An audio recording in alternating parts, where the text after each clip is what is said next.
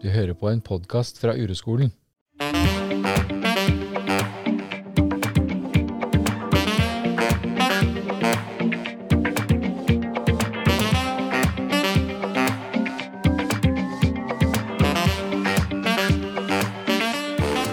Du hører nå på podkasten Helt sant med Siv Eklo og Kaspar Skeip. Vi ønsker å ta deg med inn i virkeligheten sånn som den ser ut for oss.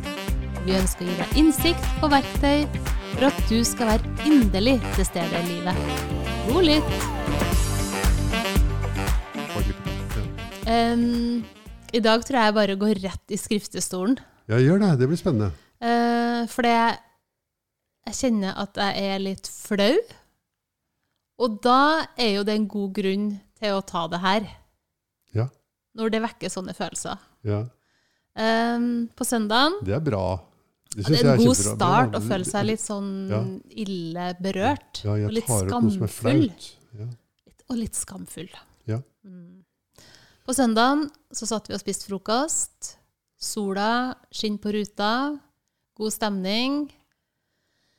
Eh, men det gjør òg at jeg faktisk ser hvor utrolig skitten vinduene er. ja. Kjempeskitten. Så mens de andre sitter og snakker om 'Å, så fint lys det og hvor fint, fint vær det i dag', så tenker jeg ja, men Oi, oi, oi, de vinduene.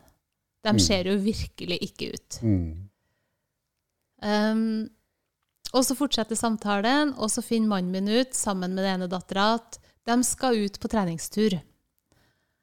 Og så sier han til meg, 'Syns du det er greit?' Og det var jo etter at jeg har sagt at jeg tror kanskje det, det blir noen timer med husarbeid. Eh, fordi at jeg allerede har Jeg vet at det er en kjempestor haug med eh, klesvask på vaskerommet.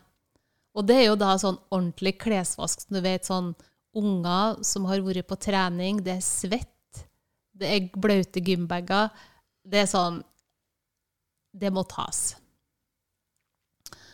Og så sier mannen min ja, men syns du det er greit at vi drar ut på treningstur? Og du begynner med husarbeid? Så sier jeg ja, ja, ja, ja. Det er ikke noe problem. Klart det. Mm. Uh, er skikkelig jovial og romslig. Mm. Ut på tur, Uh, kos dere. Og når de da responderer, eller han responderer med at 'Å ja, ja, men så fint', Mm. så kjenner jeg at jeg mener det ikke. Mm. Jeg kjenner at jeg sier det fordi at jeg vil si det. Og at jeg vil være en sånn person. Men idet de da um, kler på seg, um, er på vei ut døra, veldig godt humør, så kjenner jeg at jeg blir skikkelig sur. Og da blir jeg nok sur for at de tenker at det er rettferdig. At de burde ha skjønt at de òg burde ha bidratt. Skjønner du hva jeg mener? Til tross for at jeg faktisk har stått der. Skjønner du hva jeg mener? Til tross for at jeg har stått der og sagt Nei, men for all del. Ja. Kjempefint. Ta dere en god, lang treningstur i sola. Mm. Og så går jeg liksom ok, Vasker vindu, begynner med denne klesvasken. Kjenner at det bare bobler i meg. Mm. Jeg er så sur. Mm. Jeg er så sur at jeg tenker at hvis noen kommer i min nærhet, så er jeg så kampklar. Uavhengig av hvem det er, og uavhengig av hva de vil snakke med meg om, så kjenner jeg at jeg bare jeg er bare så klar til å ta noen. Mm. For et eller annet. Mm. Helt uinteressant hva det er. Jeg bare gir meg en liten flik av noen ting, og så er jeg bare Jeg har liksom jeg har virkelig ammunisjon klar, da. Ja. Kjempesur. Ja. Og så tenker jeg OK, dette kan jo jeg noe om. Nå må jeg romme min egen surhet og romme min egen uro og romme mitt eget ubehag og bare eksponere meg for det. Og så, og så blir jeg liksom roligere. Det går helt fint. Og så idet jeg står framom da liksom 50 par med sokker som ikke er bretta, som ikke har funnet kompisen sin, så kjenner jeg bare at det bobler igjen. For det er altså så kjedelig. Og da begynner tankesurret med at hvorfor er det jeg som skal gjøre dette? Og tanker som sier at jeg bor sammen med folk som er respektløse. Jeg bor sammen med folk som ikke har um, sett pris på meg. Så jeg dundrer på, da. Masse greier. Som Hvis jeg tenker sånn ordentlig fornuftig, så tenker jeg det er jo ikke sant engang. Mm. Det er faktisk ikke sant. Så roer jeg meg helt ned, og så er det egentlig helt fint. Og så kommer de toene hjem igjen tre timer senere. Og jeg tenker at nå eh, har jeg romma uroen min, og det her går helt fint. Jeg må ta ansvar for min egen eh, skit. Kommer de inn døra, er smørblid. Mm. Har hatt det kjempeartig Mm. og begynner å fortelle historier om noen andre de har møtt, og kakler med en litt sånn kvitrestemme. Og jeg kjenner Jeg boms... Det er liksom rett på sur igjen. Mm. Og da, da vet ikke jeg hvor det kom fra, men da kjenner jeg bare at da er jeg litt sånn Jeg syns det er skikkelig møkk at jeg har stått i vaskekjelleren og bretta sokker, og dem har vært ute i sola. Til tross for at jeg, alt jeg har sagt, er jo Kjør på, gjør det. Kjempefint. Koselig. Og jeg burde jo bare være kjempeglad for at mannen min og dattera mi har hatt det kjempefint ute i sola på tur. Og så klarte jeg det. Mm. Og så laget over er jo når jeg på en måte klarer å liksom å laste vekk litt av surheten, er jo at jeg føler meg ganske flau. For det å være sur, sier jo tankene mine om, det er jo noe som man er når man er fem år. Sant? Det å gå rundt og være sur, det er ganske barnslig. Og jeg føler meg flau, og jeg føler meg ganske skamfull, som da ikke klarer å møte dem i gangen med jeg skal si, en sånn vanlig tone, stemme. Jeg kjenner at jeg er sur. Hjelp. Hjelp! Ja. Og så føler jeg meg som en dust. ja. For tenker jeg at herregud, jeg har gått åtte år på universitetet, Kaspar. Jeg burde ha virkelig klare å, å brette klærne uten uten å bli sur. Mm. Og jeg Eh, burde, ha, jeg burde være ferdig med dette her Jeg nå. skulle da søren meg bare mangle. Mm. Mm. Jeg tenker det, altså. Mm. Det burde da gå an å få til det her uten å bli sur. Så da er du i den situasjonen at du er sur og prøver å ikke vise at du er sur, Ja! Men samtidig prøver å vise Du vet at kunsten å være sur den handler om å være akkurat så sur at man, er, man får vist at man er sur, men ikke så sur at man kan bli tatt for det. Ja, og så kjenner jeg jo òg at hvis noen eh, da spør er du sur, Ja. det er jo helt forferdelig. For da, om du så ikke er sur fra før, så blir du jo kjempesur av at noen spør om du er sur. ja. Så det vil jeg jo ikke at de skal gjøre. Nei. Eh, så, det er det jeg mener med å bli tatt for det, da. ja, Så De må skjønne at du er sur, men de kan ikke, de, du kan ikke være så tydelig sur at du får spørsmålet er du sur. nei, Nei. men det må være nok sur til at kanskje de begge to ligger litt lavt, og Ja. kanskje til og med tilbyr seg å si skal, eh, hva er igjen? Hva er det vi skal gjøre nå? Mm. Men det gjør de jo ikke. Mm. De har det bare liksom kjempeartig. Eh, går i dusjen, et lunsj, eh, finner på andre ting, og det er fortsatt god stemning. Mm. Så jeg, det er jo ingen som gjør det jeg håper at de skal gjøre, da. Nei. Til tross for at jeg heller ikke s sier noe om hva jeg forventer. For jeg er jo bare sur. Du, det, um, um, denne eh, når du Helt i begynnelsen av din fortelling, da, hvis vi nøster tilbake, så sier du de spør om det er ok at de tar treningstur, og du kvitrer glad og fornøyd. De har klart det. Mm. Mm. Eh, valgte du det? Nei. Jeg kjørte, Det var rett inn i helt automatisk. Ja.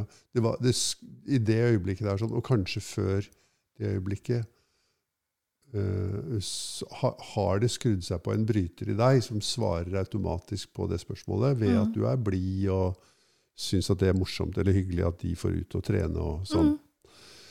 Mm. Men uh, så, hvor lenge før var det du oppdaget at du hadde klesvask, eller dere hadde en stor klesvask liggende, eller at vinduene var skitne? Hvor lenge før de sa det med at de ville ut og Nei, kanskje en halvtime? ja? Det var en ganske stor tidsavstand, da. Mhm. mellom eh, der. For jeg, jeg, jeg er alltid interessert Hva skjedde før det? Det er jeg alltid interessert i. Hva skjedde før det? Jo, det som skjedde var at jeg så at det var så mye skjolder på vinduene, og jeg tenkte på den vasken. Mm. Hadde du det da? Nei, jeg tror nok at i det, eller i det tidsrommet så begynte tankene mine å tenke at um, Ja, eller jeg begynte å surre på at her må det nok gjøres en del i dag. Ja, så, og, og, så, Og at det sannsynligvis er bare jeg som syns det. mm. Men hva følte du da? Var det behagelig eller ubehagelig å være deg da? Ubehagelig? Ja. Ja. Kan du, eh, kan du bli litt der? Og så prøve å se etter. I den perioden som går fram til at eh, de sier vi vil dra på tur, og du sier ja, klart det, så har jeg det ubehagelig. Kan du si noe mer til de som hører på oss, og til meg, om hva det ubehaget er? Hvor er det hen? Kjenn, og kan du kjenne det igjen som noe som besøker deg fra tid til annen? Ja, ja. Altså, det er jo i øvre del av magen, Jaha, som, som alt ubehag sitt. ja, Eh, det sitter jo på samme plassen. ja. Vil du si Jeg kan spørre deg, er det et press eller er det et sug? Et press. Det er et press i øvre del av magen, da. Ja. Er du for eller imot det når det er der? Imot det. Ja. Så du vet bare halvveis om at det er der, på en måte? Kunne du si det? På det tidspunktet så hadde jeg ingen tanker rundt at det var der. Nei. Så når du sier vet, at du vet bare halvveis at det er der, Så er det jeg en tenker at jeg, det, det er i beste fall Jeg vet egentlig ikke at det er der. Nei. Nei. Jeg vet egentlig ikke at det er det. Så jeg agerer jo bare Ja. på automatiske mønster, Ja. uten å være klar over at Ja. nå sitter jeg og kjenner på noe som er et press. her er det vondt, liksom. Et burde. Her ligger det et burde. Ja. Så jeg føler et press, og noe jeg burde gjøre, det er det jeg sitter med ved frokostbordet på denne fine søndagen. Ja. Ja. ja.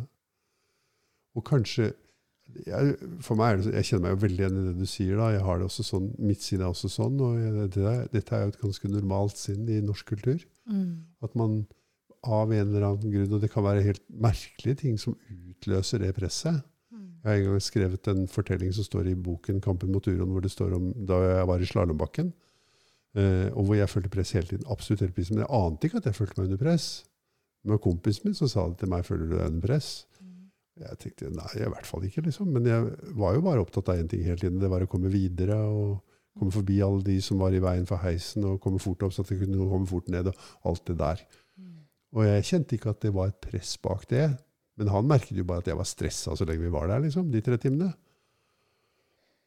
Så det er Det lever på en måte et veldig hemmelig liv, da. Derfor så er det så Jeg tror at det er veldig nyttig å stoppe her og si at ja, en søn, helt vanlig søndag så er det også ganske vanlig at jeg føler meg under press. Og hvis solen skinner på skitne vinduer, så er det i hvert fall vanlig at jeg føler meg under press. Og hvis at det tenner presset i meg, eh, eh, og hvis det er, ligger en diger haug med klesvask på vaskerommet, så er det i hvert fall eh, press i meg. Og hvis det er mange papirer som ligger i en bunke og som skulle vært gått igjennom, så er det i hvert fall press i meg. Mm. Og hvis jeg på en eller annen måte føler at jeg har fått gjort lite den siste tiden, så er det i hvert fall press i meg. Det er veldig mange forskjellige ting som det presset kan handle om, men at det er et press i kroppen min som blir helt avgjørende for hva jeg gjør, og hva jeg sier, og hvordan jeg, hva atferden min er den neste, resten av dagen, da, Mm. hvis jeg ikke oppdager det. Og så er det sånn at vi kan ikke oppdage ting eh, Vi kan liksom ikke oppdage ting før vi oppdager dem. Det er ikke sånn at man kan bestemme seg for å oppdage ting. Eller hva syns du? Nei, jeg tenker jo at, eh, at jeg kan bli litt sånn selvkritisk, Ja. fordi at jeg Vi jobber jo med dette, Kaspar. Mm. Eh, og jeg tenker jo at at jeg, om noen, skal jo klare å styre dette. Mm. eh, og ha både selvinnsikt nok til å forstå at nå er det det som skjer. Men likevel da, så går jeg bare helt på autopilot, Ja. og så har ikke jeg egentlig skjønt hva som skjer for meg før det har gått tre timer. Mm. Og da dundrer det jo på med flauhet og skam. Ja. Jeg burde visst det før, jeg burde klart dette nå, jeg burde ikke Ja. vært der hvor jeg er i livet mitt. Ja, og at jeg tenker at det er ganske smålig, da. Å ikke klare å gjøre tre timer husarbeid uten å bli sur. Sier tankene mine. Mm. Det skulle da bare mangle, Mm. sier tankene. Mm. Det at, eh, det at tankene, sier, tankene sier det, da, det er noe inni deg som sier det til deg i tankene dine. Uh, gjør det det lettere eller vanskeligere å være deg? Enn hvis du ikke var noen som sa det. Nei, det? gjør det jo mye vanskeligere, for det gjør jo at presset øker. Ja, ikke sant? Det er, liksom sånn, det er sånne negative tilbakekoblingssløyfer her. Ja. Ja. Og det at du får det derre laget med skam og Mm. flauhet oppå sur, Mm. gjør jo at det blir enda tyngre å komme gjennom. Mm. For det blir på en måte Surhet blir kapsla inn Mm. i flere lag her. I Ja. hvert fall oppleves det sånn for meg. da. Ja. Hadde nå bare vært at jeg var sur. Ja. Men det er jo ikke det. Jeg er jo i tillegg flau, og Mm. Jeg er skamfull. Og jeg syns at hele situasjonen er ganske pinlig. Ja. Nå syns jeg, du, eh, jeg du beskriver egentlig veldig godt hva surhet er. For surhet er aggresjon kapslet inn i skam. Ja. Og det var fint. Ja. Ja. Sånn, så, sånn så forstår jeg surhet. da, At det er det, vi kan, De fleste av oss har blitt kraftig tatt for vår aggresjon da vi er barn. Det er en del av sosialiseringen. Ja, det. Og det har, da har vi lært at vi skal ikke være så sinna Mm. og aggressive og sånn. eh, og Selvhevdende. Eh, Det er sånn man blir en god familie- og samfunnsdeltaker. ikke sant? Mm. At man blir tatt ned til et spiselig nivå. Og det betyr at aggresjonen vår er omgitt av skam, for det er skammen som får oss til å temme Skammen har kraft i seg til å holde aggresjonen i sjakk. ikke sant? Skammen kapsler inn Ja, sinnet. det kapsler inn sinnet, Mm. Og det vi får se da, det er surhet. Og det er en sånn passelig, det er akkurat en passelig mengde aggresjon, som er det vi ofte kaller for passiv aggresjon. Nemlig at eh, vi signaliserer på en litt sånn skjult måte, litt sånn eh, subtil måte, hva, hvordan vi, at vi egentlig er forbanna. Men det kommer ut som en sånn hengeleppe, eller eh, det kommer ut som en tilbaketrukkethet, da, i mitt tilfelle. Ja. Eh, Den surheten er veldig ofte eh, for meg at jeg er mer tilbaketrukket. ja. Du går for åpen. deg sjøl. Ja, jeg er ikke åpen, jeg er lukket og tilbaketrukket. Så du har mer en flight og freeze Mm. når du blir sur. Ja, Jeg har jo en fight. ja, Sånn at det jeg beskrev, da, at hvis noen kommer i min nærhet, så føler jeg meg veldig kampklar. ja, At jeg er klar til å ta noen. ja, For noe. Altså litt sånn hva som helst. ja. Det, det genererer når jeg blir sur. Men jeg kan jo også på en måte få det der at jeg går vekk. Ja. Men veldig fort Men den er eh, punkterbar, da. Den surheten er punkterbar så at den går over i sinne. At den går over i et angrep av noe slag. Ja. En spiss, eh, kraftig bemerkning.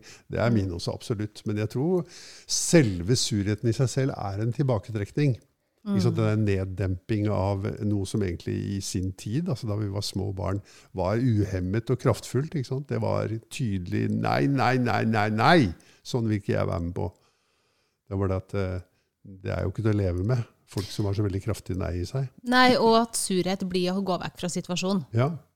Og håndtere det. Så surhet er egentlig håndterbart Mm. i samfunnet. Hvis vi tenker hva er det kulturelle samfunnsmessige normen, så er surhet håndterbart. Ja. Sinne er Ja. ikke det. Det er skremmende. Det er Ja. uten, ute av kontroll. ja.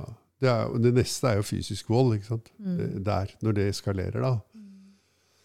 Men ser du at energien er den samme. Det som ligger bak den kaklinga, er den aggressive Det er uro, da. En stor grad av uro. Ja, og jeg føler meg jo, når vi snakker om det nå, så tenker jeg jo at jeg føler meg jo sint. Mm. Sjøl om uttrykksformen og opplevelsen er sur. Ja. Det er, det. det er sant. Det er, følelsen er aggressiv. Ja. Den er sint. ja. Ja. Bak surheten. Så er det sånn, ja, og da er jo nettopp det, sånn som du sier, at da føler vi oss skamfulle for det, for vi har lært at vi skal ikke være sinte. ikke sant? Jeg syns det er bare en sånn veldig fint tema, og som nesten alle som hører på oss, kjenner seg inn i dette, at vi har, dette her er normalpsykologi, normalatferd for oss. Det er sånn vi lever livet vårt. Og så har vi ideer om at man burde være så oppriktig og åpen og ha et avklart forhold til sin egen aggresjon. og alt mulig sånn. Så den, den typen dustete idealisme er vi helt fulle av. ikke sant? At vi tror vi skal leve livet vårt eh, according to the book. da. Ja, og være ærlig på alt. Ja, ja. Og at jeg, nei, jeg er jo veldig åpen når jeg er sinna og sånn. Det er bare at jeg er nesten aldri sinna, for jeg er ikke sånn. Nei. Men, eh, Men det var det jeg tenkte når jeg, når jeg kjørte hit til studio i dag. Så tenkte jeg jo at um, Jeg kan jo ikke snakke om det, for da blir det jo, det blir jo så flaut. Ja, Og det er så pinlig. ja, Hele, hele, hele episoden. ja, Og så snudde jeg og tenkte men det er jo akkurat derfor vi må snakke om det. ja. Fordi at når det skjer med meg, så skjer det sannsynligvis med veldig mange andre. Mm. Og den der dynamikken mellom familiemedlemmer er det der at eh, noen er sur, noen trekker seg tilbake, noen går på rommet. I hvert fall jeg da som har unger og ungdommer, så er jo Mm. mye av det mønsteret er jo det. ja. Man blir sur, forsvinner på rommet, kommer tilbake. Altså, Mm. Det er jo et sånn um, Det er jo et, eh, en dynamikk Mm. som av og til eh, er litt sånn vanskelig å forstå. ja. Men når du eh, er sur, hvordan ser det ut, Kaspar? Men Det, si det ligner veldig på det du beskriver, fordi at det, en av de tingene som kan gjøre meg sur, er at jeg føler at ansvaret blir overlatt til meg. At det er en sånn masse oppgaver som ingen tar, Ja. og noen må jo ta dem. Og, jeg, og når ingen tar dem, så må jeg ta dem. ja. Og da blir jeg sur for det. Og, i- og istedenfor å se på mitt program som er sånn at jeg har lært helt siden jeg var veldig liten å være flink og være den som tar det, så det er helt umulig for meg å klare å sitte stille foran en haug med vasketøy eller en oppvask eller skitne vinduer eller sånt. ja. Det er eh, veldig vanskelig å tøyle den uroen jeg kjenner ved det. Og, da, og det får jeg jo masse poeng for. Alle vi som tar oppvasken og vasken og sånn, vi får jo poeng for det. Så det er en sånn selvforsterkende ting. Og du får en goodwill, Ja. eller du, du syns vel i hvert fall sjøl at du burde få en anerkjennelse for å ha vært flink, da. Jo. Nå tok du det som egentlig alle ikke hadde lyst til. Ja, ja. Tok en for laget. ja. Mm. Nei, nei, jeg kan ta det. Det er ikke så farlig. Jeg syns det er hyggelig å ta oppvasken, jeg. ikke sant? Eller nå er, da. Ja. For noe bullshit. ja, jeg trenger ikke gå For noe bullshit, ja. Trenger jeg trenger ikke være ute i solen på, eh, På tre timer. på en søndag, ikke sant? Det kan, de, de andre kan være det. De trenger det. mindre. Ja. altså, jeg eh, har det så fint, så. Jeg er så romslig og hyggelig og Ja. jovial type, Ja. så jeg kan godt stå og måke skitten svett settøy.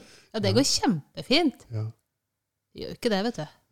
Jeg tar det, jeg tar det, jeg tar det. Er det, sant? det er en dyd i dette landet, da. Mm. Og det er jo en dyd blant menneskene å være den som gjør jobben. Så det er mitt program også. Og det å klare å Og, og jeg, det, det, her er det jo veldig mange forskjellige dynamikker, men en av dem i mitt tilfelle er jo at det å ta jobben er også en eh, flukt fra noe som er verre. Mm. At å være opptatt med noe for meg er en- måte å unngå noe som kan kjennes mye mer usikkert og vanskelig. F.eks. å være i et sosialt fellesskap som er åpent, og hvor man kanskje f.eks. leker, eller eh, hvor man er åpen med hverandre. Ikke sant? Man er sammen på en åpen måte. At det kan være ganske skummelt. og at det er lettere Nei, jeg har ikke tid til De kan sitte der borte og holde på med det, mens jeg Mm. må ta først denne steinrøsa og flytte den bort. Den skal flyttes fire meter til høyre, liksom. Ja, eller at i et selskap så går du på kjøkkenet og tar igjen da, oppvasken og rydde av og trekker deg unna i stedet for å være en del av samtalen. Det er vanskelig å være i, den, i det åpne sosiale rommet Mm. uh, for noen av oss. Og da vil vi jo være tilbøyelig til å ta på oss oppgaver som gjør at vi er skjermet. Og samtidig så får vi masse åtgaum for det. ikke sant? Ja. Så det har vi lært. Å være den som Men fikser da tar du den rollen med å begynne å klyve ved og Godt. Ja. gjøre noe fysisk helst, da. Mange sånne ting. Det er det som jeg har lært, som er min mannsrolle, liksom. Det er eh, å være den som fikser de vanskelige og krevende og tunge tingene, Mm. Uh, mens de andre koser seg. Men er det da sånn at du forventer at du skal få anerkjennelse for det? Eller håpe på det? Ja. Håpe på det, ja. Mm. Ja, det er, det er en del av dette mønsteret. Og, og, det, håpet det er også en forventning. Et, et håp består alltid av to ting. Det består av eller en forventning består alltid av to ting. Det består av et håp, som er ja, men da kommer de til å synes at jeg er veldig flink og snill. Um, og sterk, og alle de andre tingene. Uh, og den negative siden av forventningen er jo det kommer ikke til å skje. Jeg kommer ikke til å få det denne gangen heller. Det er ikke bra nok. Uh, de ser meg ikke. Mange sånne ting. Som igjen fide at jeg skulle ha gjort det bedre og mer. Ja, kanskje. Eller det er ikke noe vits i å noen gang sant, At vi kan resignere i forhold til andre mennesker. tenker at Jeg kommer aldri til å få det jeg trenger. Menneskene ser meg ikke, de bryr seg ikke noe om meg, uansett hvor mye jeg sliter og kaver. ikke sant? Hvor, hvor vanlig tror du det er? Det er et retorisk spørsmål, for jeg tror at den følelsen ja, sitter i mennesket ja, som en default, som en sånn standard operating procedure. ja. At vi gjør ting som vi ikke blir anerkjent for. Mm. Og som Og at jeg ikke blir sett og verdsatt ja, for det som Ja. jeg både er, og det som jeg gjør. ja. Og da blir jeg jo aggressiv, og den aggresjonen kan jeg ikke vise, og da må jeg få det ut på en annen måte, og da, så det blir nesten som en sirkel, så den biter seg selv i halen. Og da går jeg og gjør enda litt mer, eh, samtidig som jeg er sammenbitt. Eller blir sur. Eller, ja, sammenbitt og sur, ikke sant? Og tilbaketrukket.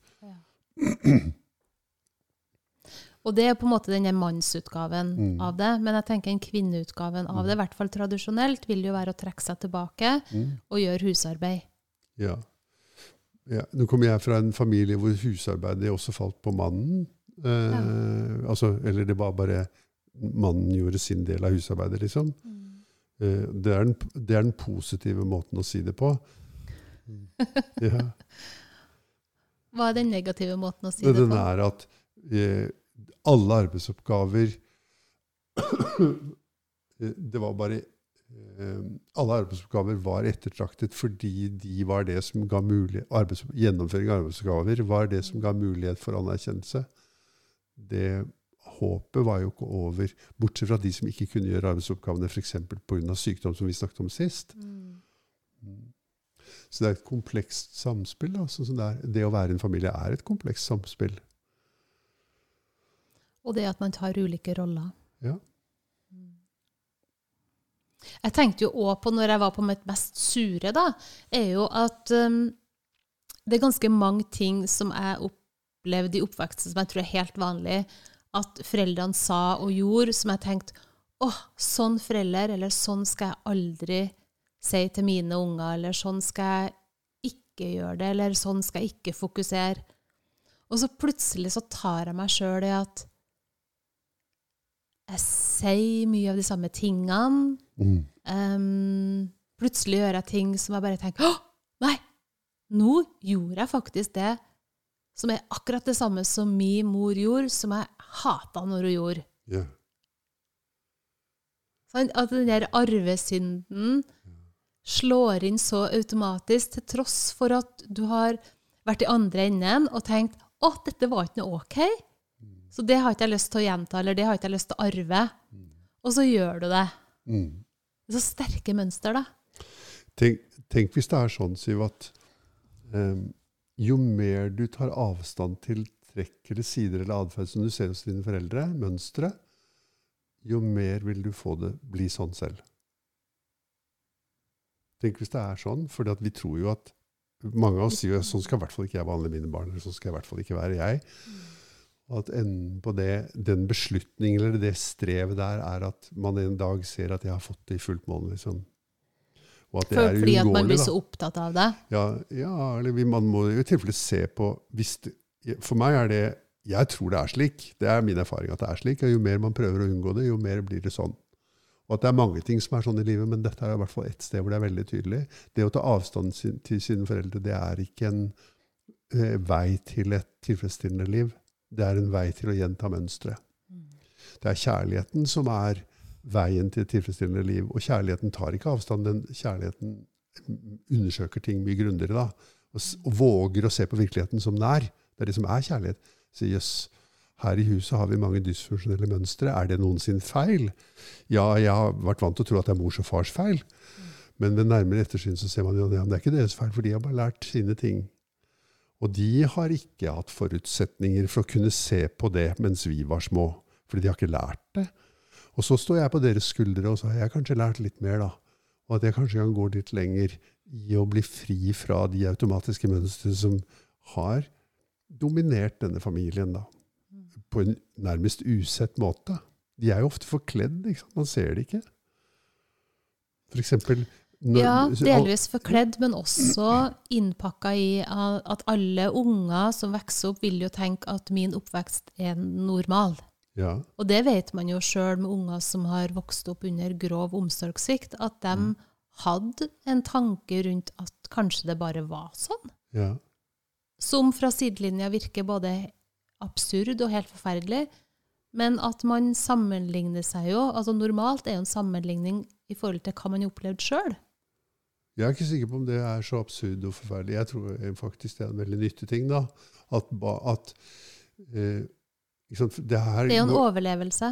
Ja, det å se på virkeligheten som, eh, som den eneste mulige, at det er egentlig en veldig stor styrke i livet. da, Istedenfor at vi henger merkelapper på virkeligheten. Denne delen av virkeligheten er feil, denne delen av virkeligheten er riktig. Nå vil sinnet vårt veldig ofte gjøre sånn, men du ser at barn i utgangspunktet har en utrolig åpenhet for at livet er som det er. Og så lærer de mm, gjennom livets skole at den delen av virkeligheten burde vi skjule, den, burde, den der er ikke riktig, sånn burde det ikke være. Og, så, og det, da kommer vi jo frem til oss som har vært terapeuter, og ser at det terapeutiske og det eh, behandlingssamfunnet er jo veldig enig i at det er noe som er riktig, og noe som er feil. Du brukte f.eks. ordet grov omsorgssvikt. Det er jo ikke noe tvil om at det fins grov omsorgssvikt. Men grov omsorgssvikt er en del av det menneskelige. Er du med på det? Det er bare en del av det menneskelige. Det skjer mellom menneskene. At barn blir utsatt for grov omsorgssvikt. Og det å forsterke det ved å si at det er feil, det gjør det enda vanskeligere å arbeide med det. Det Ja, altså, jeg sa ikke at det var feil, men Nei, jeg sa det, men at det er det. forferdelig. Og Ja. det er jo mer fordi at det genererer masse følelser at ja, jeg syns det er fælt og forferdelig å tenke på at f.eks. i det tilfellet her, da, at noen unger har de oppvekstvilkårene. det er smertefullt, ikke sant? Det er veldig vanskelig å forholde seg. Ja, det er vanskelig, det er smertefullt, det gjør vondt. Og det har med medfølelse å gjøre. Og så er det jo sånn at vi skulle ønske at det var annerledes. Ja. Men det ser ikke ut som det i seg selv hjelper. Gjør det det? Nei, for det blir jo en, mer en wishful thinking enn det blir å forholde seg til realiteten. Ja. Skulle jo ønske at det ikke var sånn. Ja. Skulle jo ønske at alle unger vokser opp i trygge, med trygge rammer. ja. Og så ser du, den ønskingen der er det veldig lite hjelp i. Mm. For det er ikke sånn at alle barn vokser opp under trygge rammer. Det er snarere tvert imot. Alle barn opp, vokser opp under en grad av omsorgssvikt. Det må man like godt si. Det er normalen. Det vil jeg påstå. Ja, det er i hvert fall at alle barn vokser opp i veldig ulike familier og hjem. Ja, og at det gjør vondt, da, kunne man si da. Ja, det kan Det gjør veldig ikke vondt å vokse opp. Men jeg er liksom. ikke enig i at, at det er grad av omsorgssvikt. Men, jeg, men at det å vokse opp fører med seg smerte, og at det er vanskelig å være barn, Ja. og at det er vanskelig og, og krevende Ja, å vokse opp, ja. det tror jeg helt sikkert for alle. Jeg mener at Det jeg sier her, det er veldig politisk ukorrekt. Men, men ja, det å bli sosialisert Mm. er veldig vanskelig for et barn. Og det å bli sosialisert er smertefullt. Det er Fordi smertefullt. at det handler om Ja. å bli ramma inn. Ja, og det er helt rett og rimelig synes jeg, at sivilisert samfunn jobber for å gjøre, og forsøker å utvikle seg når det gjelder sosialisering av barn. Men Så altså Det er jeg helt for. Men det å være opptatt av å kalle noen ting for feil og noen ting for riktig, er ikke nyttig i den sammenhengen. det bare gjør det enda verre. For realiteten er, hvis du, det du har vært utsatt for i din, i din oppvekst, det er kun du som kan transformere det og gjøre det til noe positivt, eller noen ting som du kan leve godt med. Det er bare du som kan gjøre det. Og det gjelder alle mennesker i hele verden. Det er bare de, jeg som kan ta ansvar for det som fins i meg av arr og sår, gjennom, som har kommet gjennom det jeg har vært gjennom. Og, og det å gå rundt og tro at det var for mye, eller det burde ikke skjedd, det gjør det ikke lettere for meg å jobbe med det.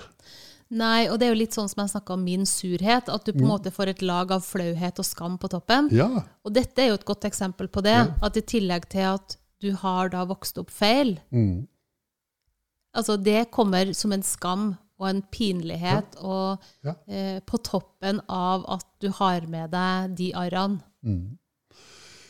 Ikke sant? Eh, Det gjør det bare vanskeligere å håndtere den ballasten vi har fått, for vi har alle fått ballast. Og det er bare jeg som kan som, Det er jeg som er dømt til, det er min skjebne å ha den ballasten. Og jeg, kan, jeg er veldig for at folk kan få hjelp til å håndtere den ballasten, men det er ikke hjelp å kalle den ballasten for feil. Det er, det er mye mer hjelp å si ballasten er som den er, den vennen min. Og du, og du eh, jeg skal gjøre alt jeg kan for at du skal kunne håndtere den ballasten du har. Ikke sånn at den slutter å gjøre vondt, men også at du kan håndtere den. Den kommer til å gjøre vondt. Den kommer til å gjøre vondt resten av livet. Fordi at livet innimellom gjør vondt. Ja. For det er så svært uoversiktlig. Det er sånn det er å være menneske, at man har fått en ballast som gjør, vondt. Og hvis vi håndterer den ballasten riktig, så kan, det være en, så kan vi faktisk snu den til å bli en gave. Og vet, mange som hører dette, vil protestere og si ja, men det og det og det og det, og det er, er for mye. Ja. Det er feil, og det er for mye. Og sånn skal vi ikke ha det, Ja, faktisk. Og sånn skal vi ikke ha det. Nei. Men vi har det jo sånn allikevel, selv om vi mener det. Og Det er ikke sånn at jeg mener at vi skal ha det sånn, jeg mener at vi har det sånn. Mm. Og det er ikke en mening engang, det er en realitet. Det er en observasjon av virkeligheten. Ja, sånn har vi det, vi mennesker. Vi behandler hverandre mange ganger veldig dårlig, til og med de små barna. Og barn blir utsatt for mange grovheter fra voksne, f.eks. krig, f.eks. voksnes måte å håndtere miljø altså vans, et, eh, Enten det gjelder oppvekstmiljøer eller det gjelder altså de store miljømessige utfordringene vi står overfor, de blir utsatt for det. Det er jo et overgrep å ta fra folk eh, habitatets kvalitet. Det er noe sånn allikevel. Det er jo til å bli sur av. ja, det er til å bli sur av. Ja? Og det er jo en dårlig strategi Ja. å si det er noen andre som har skapt disse vanskelighetene som jeg står i nå, og dem er jeg sur på. Og jeg kan rope og rope og rope til dem at de skal ta seg sammen og slutte å gjøre det som er dumt, og begynne å gjøre det som er lurt. Men, og det er det mange som gjør. Nesten alle gjør det. Men det ser ikke ut som det har noen god effekt. Det fører ikke til at vi blir bedre det. Så Så oppsummeringa er vel at det, i beste fall, det vi kan ta ansvar for, er oss sjøl. For det er ingen andre som kommer til å gjøre det. Nei. Å ha fokus på oss sjøl i stedet for å skylde på andre Mm. og tenke at andre folk skal forandre seg. Ja. Og, det er, og vi trenger noen til å hjelpe oss med det. Jeg tror f.eks. skolen er veldig viktig her. da. At ikke skolen understøtter våre offer, våre ønsker om å være et offer, og at det er andres ansvar at de har det dårlig. Eh, vi trenger noen som kan ta oss i kragen og si hei. Sånn er, jeg ser hvordan det er å være deg. Jeg vil være sammen med deg når du har det sånn. La oss se på det sammen. Er jeg, som du vet, så er ikke jeg spesielt opptatt av terapi lenger. Jeg tror ikke at veien til at verden skal bli et bra sted å leve for mennesker, er at alle med 7,8 milliarder mennesker går i terapi. Liksom. Alle skjønner med en gang at det er bare tull. Det er i hvert fall ikke bærekraftig. Nei, det er ikke bærekraftig. Det er ikke kjangs å rekke det. Det som er sjans, er at vi kan begynne å lære noen ting om oss selv. Og vi kan begynne med det nå, og vi gjør det egentlig hele tiden. Det er bare at vi får veldig mye grumsete informasjon om oss selv. F.eks. at vi er ofre for omstendigheter som ikke burde vært som de er. Som de er. Det er jo ikke tilfellet at vi er ofre. Det, det er bare det er en merkelapp vi setter på omstendighetene, at de ikke burde være som de er. De er som de er. Uansett. Uansett. Det var dagens preken. Ja.